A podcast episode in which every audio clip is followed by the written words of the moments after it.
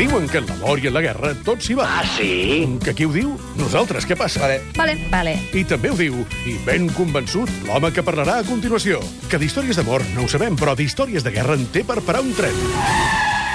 Donem la benvinguda amb un fort aplaudiment al nostre coministre d'Afers Humans, Qui és? Eloi Vila, i les seves trinxeres.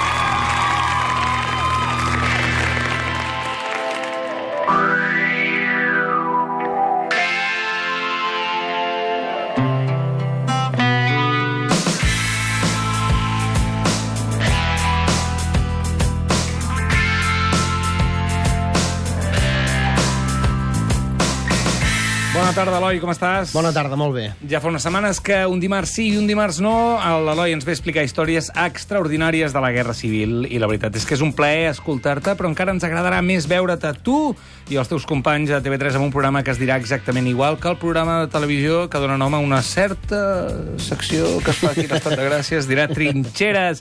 I avui ens acompanya no només l'Eloi Vila, sinó també el Carles Costa, com estàs? Molt bé. I el Marc Juan, realitzador i càmera del programa, com estàs? Bona tarda. Va, comença'ns a, comenceu a explicar-nos tots una mica què és Trinxeres. La cara d'il·lusió ja la tenen, perquè l'heu presentat avui al programa. Comença a emetre's aquest diumenge. I què hi podrem veure, Trinxeres? Va. Mira, són vuit capítols, val? Sis, els sis primers, en els quals recorrem a l'últim front de la Guerra Civil a Catalunya, quan els franquistes arriben a Catalunya, s'estableix un gran front que ressegueix els rius Noguera, Pallaresa, Segre i Ebre, i des del Pirineu fins a l'Ebre hem recorregut a peu 350 quilòmetres. Déu-n'hi-do. Déu-n'hi-do, això són els sis primers capítols, i després hem fet un capítol de la Guerra a Barcelona, els tres anys de Guerra a Barcelona, que acaba amb l'entrada de les tropes franquistes, el 26 de gener de 1939, i a partir d'aquí fem l'últim capítol, el vuitè, que és el camí de l'exili, quan mig milió de persones, amb l'entrada dels franquistes, es veu obligada a marxar, i, i a fugir a un exili que en molts casos serà etern. I aquest últim capítol hem creuat el Pirineu per Coll d'Ares, fins a Prats de Molló, Saret, Perpinyà i fins a Argelers. I això és trinxeres eh, en format capítols, però què hi trobarem? Doncs hi Espera, trobarem... deixa'm fer una, una pregunta al Carles, perquè ara tiraré eh, pedres de la nostra taulada, perquè nosaltres fem secció amb el- amb l'Eloi parlant de la Guerra Civil i d'algunes de les històries, però la pregunta és, no en tenim prou de Guerra Civil? O sigui, hi ha una manera nova d'explicar la Guerra Civil? Jo crec que aquest format descobreix una nova manera d'aproximar-se a la Guerra Civil, que és a través de, del viatge de tres amics, que som nosaltres, el Marc, l'Eloi i jo, mm, tres persones que som nets de persones que van patir la guerra, és a dir, que ens queda amb una certa distància, això es permet veure els fets des d'una certa distància, i que ho vivim com una aventura personal. És a dir, som tres amics que fem un recorregut, i a través d'aquest recorregut veiem què en queda 80 anys després de la Guerra Civil. A través de vestigis, a través de testimonis mm -hmm. i a través d'uns homenatges que anem fent, eh, que és una de les perles del, del programa. Mm. Clar, ara jo pressuposava que hi hauria gent que diria que ja en sabem prou de la Guerra Civil, però vosaltres eh, tres creieu que en sabíeu bastant de la Guerra Civil i potser ara us n'heu adonat que no, no, Marc? Jo confesso que no sabia gairebé res. Jo sóc d'una generació que la història de Guerra Civil, la història recent, s'estudiava cap al final de l'any, diguéssim, era la típica assignatura, o sigui, el típic tema dintre de l'assignatura d'història que tocava cap al juny, i si no hi arribaves, doncs no hi arribaves. I per tant jo em confesso un autèntic ignorant al tema de la Guerra Civil en concret, i he après molt fent-lo. Però pel·lícules, documentals, novel·les, eh, històries personals, això s'ha fet moltes vegades. Eh, aquí ens centrarem en les històries humanes, no? Ens centrarem en les històries de la gent que va patir el front. Sí, perquè quan diem això per explicar-ho bé, que és el que queda de la guerra 80 anys després, trobes vestigis i nosaltres expliquem una part de la història per contextualitzar, per entendre per què estem voltant per allà i no per una altra banda, però el que forguem és a l'ànima de la gent. I forguem a l'ànima de la gent, eh, gent que va viure la guerra, eh, que la va viure intensament, dramàticament, i, i que ens trobem en els, en els llocs, i la gent que ara, 80 anys després, viu en un poble on encara hi ha les cicatrius de la guerra, no? Cicatrius físiques i cicatrius també emocionals, no? Perquè, clar, la guerra està molt viva. Nosaltres hem trobat una història de la guerra darrere de cada porta. I sobretot hem trobat també eh, generacions joves, és a dir, nets, que en aquests moments estan interessats en la guerra que van viure els seus avis. És a dir, els nets sembla que estan explicant als pares la guerra que van viure els avis, perquè durant molt de temps aquest tema no, no se'n va parlar. Va haver Sí, silenci sí, sí. total i absolut. Sí, sí, ho hem comentat més d'una vegada aquí amb l'Eloi, no? Com els avis no explicaven No la explicaven. guerra. Jo, jo et dic, a la meva família, jo he descobert aquest Nadal una història del meu avi relacionada amb la Guerra Civil que jo no en tenia ni idea. I I, llavors- l'he descobert aquest Nadal. Vols compartir-la? Sí, sí, vull dir, estàvem al dinar de Nadal parlant, bueno, quan s'estrena Trinxeres i tot això, sí, estrenarem el, el 5 de febrer, i diuen, tu saps la història del teu avi? Matern? Jo no, ni idea. I em diuen que el meu avi va primer lluitar amb el cantó republicà, va caure presoner, el van obligar a lluitar amb els franquistes, va haver de fer tota la batalla de l'Ebre al costat dels franquistes, i després, com va passar en molts casos, com era sospitós de no ser, eh, és a dir, era un republicà reconvertit, va anar al Marroc dos anys a fer la mili. I el meu avi va viure això amb un total i absolut silenci. Jo no tenia ni idea. I ho vaig descobrir aquest Nadal. Una manera, de, segurament, dels avis de no voler que, que repetís és que no que ni ho sabéssim que va passar, no? Sí, no, no, no parlar, oblidar-se d'allò, evitar el dolor, no només de reviure-ho, sinó de fer-li passar el net, no? Dir, mira, és igual, això ja ho he passat. Però clar, estem parlant de 7, 8 anys de, les, de la vida de molta gent, 8, 9 anys, fins i tot a vegades. Sí, sí. Al límit, eh? Sí, sí. I quan us trobeu aquesta gent i aneu a gravar-la, eh, estan disposats llavors a parlar-ne o no? Nosaltres hem trobat una generositat extrema. De fet, el secret de la sèrie jo crec que és la manera en què s'han obert a nosaltres molta gent que...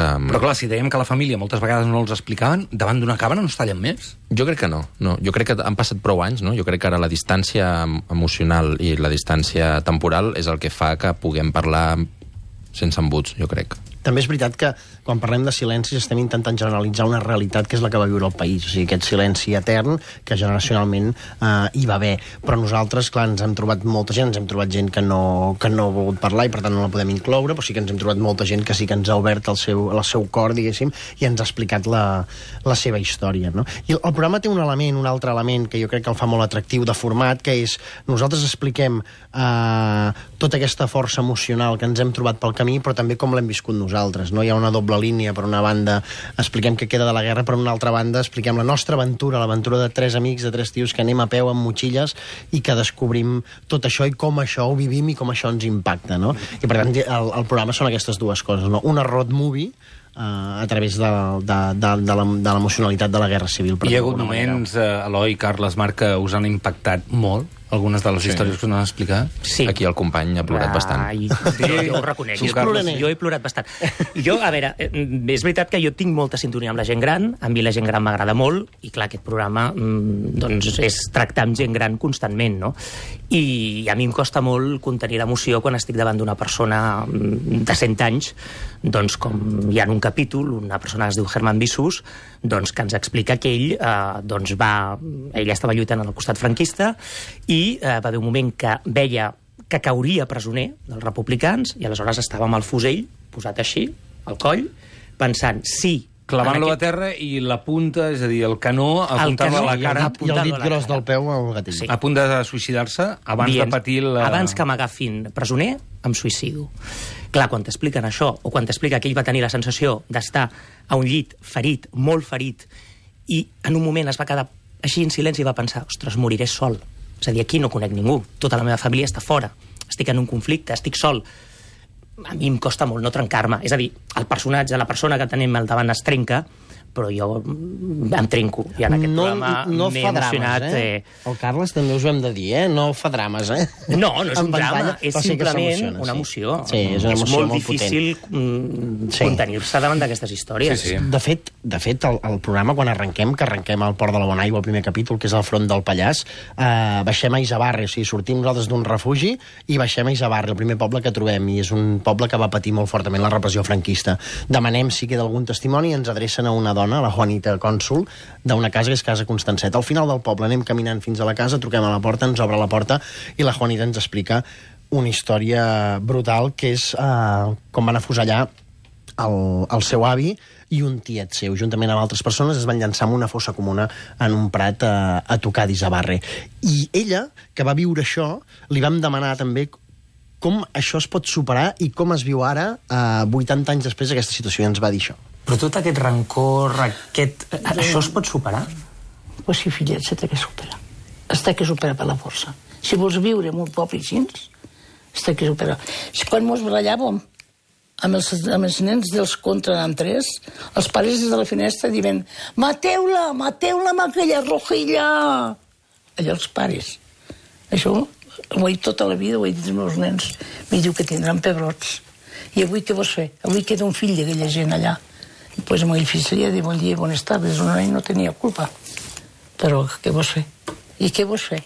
Continua la vida. Resistir és vencer. La Juanita, que a més a més ens va convidar a una tarta de poma boníssima. Deli... Boníssima, eh? Vull dir, la millor tarta de poma del programa, diria jo. La Juanita, que elaborem en el primer programa. El primer programa, Que sí. s'emet, recordem, comença aquest programa fantàstic Trinxeres el diumenge, quarts de 10? 11 Sí, quarts d'onze. quarts d'onze, després Quarts del d'onze, 30, 30 quan acabi 30. Després del 30 minuts. Sí. Eh, hi ha una altra part del programa, és hi ha moltes capes en el programa, els testimonis personals, la reflexió que feu vosaltres de l'impacte que us generen aquests testimonis, que entenc pel que explicaves tu també, Carles, que no són testimonis de- d'un bàndol, només. No, hi ha No, testimonis, testimonis dels dos bàndols. dels dos bàndols. Sí. I sobretot, Roger, jo crec que al final perdem de quin bàndol era el testimoni. És a dir, el que, el que finalment queda és la història. La història d'aquell personatge, el que va patir, que la guerra va ser molt dolenta per tots dos bàndols. I arriba un moment que estem entrevistant aquella persona i ja no saps si és del costat republicà o del costat franquista i tampoc no t'interessa especialment. Al final el que et queda és que la guerra va ser molt dolenta i que hi ha gent que va patir moltíssim.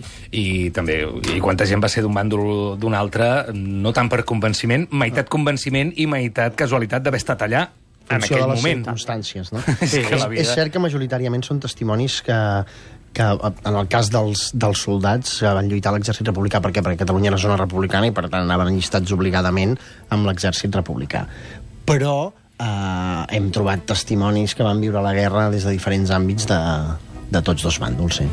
El que dèiem, eh, les històries molt emotives, eh, la reacció dels que ho viviu i després els homenatges. –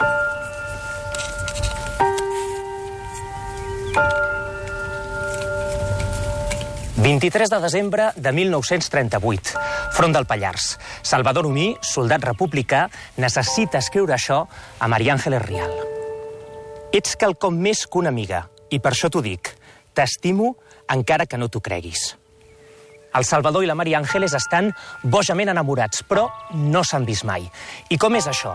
Doncs perquè la Maria Àngeles és padrina de guerra i escriu cartes a soldats que no coneix per animar-los. Un dia, una d'aquestes cartes arriba a les mans del Salvador i tot canvia. El seu dia a dia, a les trinxeres i enmig de les bombes, és duríssim, però les cartes de la Maria Àngeles li desperten una il·lusió. Ha de sobreviure almenys per poder-la conèixer. Demana un permís, baixa a Barcelona i finalment arriba el moment. Es veuen cara a cara i ja no s'imaginen la vida separats. Des que et vaig deixar que ets la meva obsessió. Apa, rateta, fins a un altre dia si encara sóc viu. El Salvador sobreviu, torna a Barcelona, es casa amb la Maria Àngeles i tenen tres fills. Gràcies a aquelles cartes va veure un futur enmig d'un present devastat. Déu-n'hi-do. Us imagineu a la vostra vida dir-li a algú per carta fins un altre dia, punts suspensius, si encara sóc viu? És que és fort, eh? Això no ho hem viscut nosaltres. És que és Ni fort, de lluny. Eh? Apa, rateta, fins a un altre dia si encara sóc viu, eh? Què són els homenatges? Els homenatges és... Eh, nosaltres hem fet una recerca de persones no conegudes amb històries relacionades amb la guerra. Aleshores, al llarg del programa, cada capítol, en un moment donat del, del programa, ens parem en un lloc, un paisatge maco, un lloc relacionat amb aquella persona, i fem un ritual, que és eh, traiem una estaca, que les carrega l'Eloi durant tot el programa, sí. jo, jo les clavo. Sí, Això ho vau fer amb els No, no, palets, el palet més jo també. Ah, no, les claves tu, exacte. Jo aguanto i explico la història. L'estaca jo la clavo. I expliquem... I aleshores expliquem la història d'aquella persona amb aquella, amb aquella estaca. L'estaca és un homenatge amb una placa, amb el nom d'aquella persona, la data de naixement, la data de la mort, i expliquem doncs, aquesta història. Històries de tot tipus. I d'on Aquesta... surten aquestes històries? Us arriben o les aneu a buscar vosaltres, aquestes històries? Doncs Aquestes històries les hem fet una recerca. Hem fet una Hem recerca. un treball de recerca i, i hem localitzat moltes històries. Algunes les, tenim un punt de partida bibliogràfic i després eh, a partir de llibres doncs, furguem més amb la història i d'altres les hem buscat Ens allò... hem buscat, ens hem posat en contacte amb les famílies.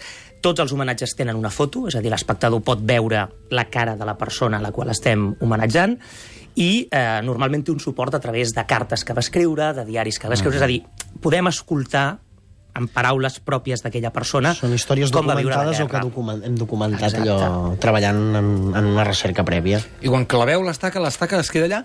L'homenatge Sí. fet pel programa queda allà? Sí. L'estaca es queda. De fet, estaran geolocalitzades i després la gent podrà anar-les a visitar si Ahà. encara estan sobre el territori. Sí. I allà trobaran l'estaca, eh, però no trobaran eh, material allà per consultar, dic, eh? No, no. Llavors has d'anar al programa i, i veure la història que hi ha al darrere d'aquesta estaca. Exacte. De fet, vam clavar una estaca d'aquestes a dalt de la muntanya de Baladredo. La muntanya de Baladredo és una muntanya que hi ha tocada a Llavorsí i, i allà eh, hi vam anar perquè volíem fer un homenatge a, a un soldat que va lluitar en, en, en aquella zona i que és una història molt divertida. En aquest cas hi ha homenatges que són més dramàtics i hi ha homenatges més divertits. Aquesta és una història divertida.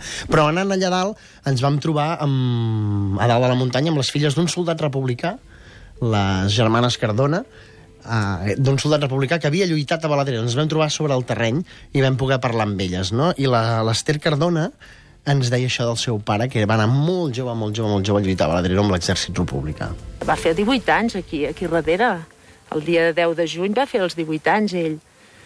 Doncs estava aquí lluitant i, i era un soldat i estava bueno, entre la vida i la mort. Estaven mm, sense res. Tan sense res que inclús mm, no tenien sabates. Entre que l'exèrcit no hi havia recursos, ni els, ni els avituallava bé ni res, doncs els van dir que s'apanyessin, que havien de- d'apanyar-se com poguessin. I amb sacs i cordes es lligaven les, els sacs als peus, embolicats, doncs per, su, per, su, per suportar-ho, no? per passar per sobre aquestes pedres. És molt bèstia, és que estem parlant de nanos com això, com el meu fill, o com potser tu tens fills també d'aquestes edats i que et poses a imaginar-te'ls en aquest lloc que no saps per què hi han hagut de venir.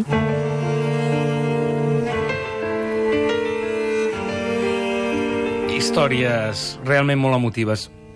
Nois, què heu après? Què heu entès de la guerra? Hem entès que hi ha molts paral·lelismes entre el que va passar fa 80 anys i el que passa ara. Hi ha una constant de que molta gent ens ha explicat haver de fugir, perquè també haver-hi molts refugiats a zones, eh, quan, amb, amb l'avenç franquista, molta gent va haver de marxar refugiada, molts van venir a Barcelona, i molta gent que recorda, quan veu per la televisió ara, quan milers i milers de, de sirians, de refugiats sirians han de marxar per culpa d'una guerra de casa seva, veuen aquelles imatges, ens han dit més d'un que es posen a plorar i que veuen, eh, es veuen reflectits eh, com si fos un mirall el que van viure ells fa 80 anys. Sí, aquesta és una, una, una reflexió. Jo, i a més eh, podrem escoltar l'incert, jo una de les coses que, que m'he quedat és també aquesta gent que va, que va estar lluitant a primera línia, tot el que es pateix a primera línia, que per nosaltres és molt difícil d'imaginar, a l'atzar que suposa una guerra. És a dir, la història de, del Daniel Ramoneda, que també surt al, al primer capítol, i és un home que realment va salvar la vida perquè una bala que anava destinada cap a ell, en comptes d'impactar-lo a ell, va impactar un arbre i ell cada any amb la seva família va anar a aquell arbre a celebrar la vida. És a dir, perquè l'atzar va fer que aquella bala, en comptes d'anar cap a ell, anés cap a l'arbre. I ens va explicar això. Què va passar en aquella batalla? Van morir molts.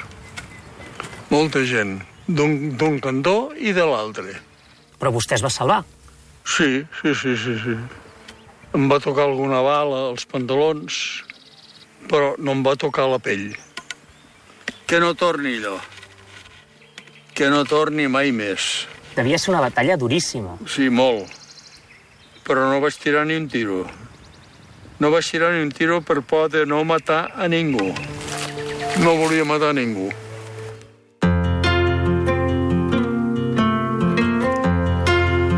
Que no torni, no volia matar ningú. Trinxeres el 5 de febrer i cada diumenge, Sí. dos quarts d'onze després del 30 minuts. No ho sé, nois, jo també. T'has quedat sense- Sí, jo m'hagués trencat també, Carles, jo sóc dels teus, eh? Jo, és que tinc aquesta debilitat. I amb la gent gran, jo mm, no, puc. no. Marc, eh, un plaer, moltes gràcies. Eh, que sigui una història d'èxit i que serveixi per moltes coses, per entendre la guerra, per entendre l'abans, per entendre l'ara, com deies, Eloi, i per entendre que més enllà dels bàndols el que hi ha són persones. Eloi Vila, moltes gràcies. Ens veiem la setmana que ve fem trinxeres amb tu. Val, Sí? perfecte, i tant. L'Eloi Vila, moltes gràcies. El Carles Costa, moltes gràcies. Molta sort amb el programa. Moltes gràcies, Roger. I el Marc, una abraçada molt forta també. Gràcies. Marc Juan, una abraçada.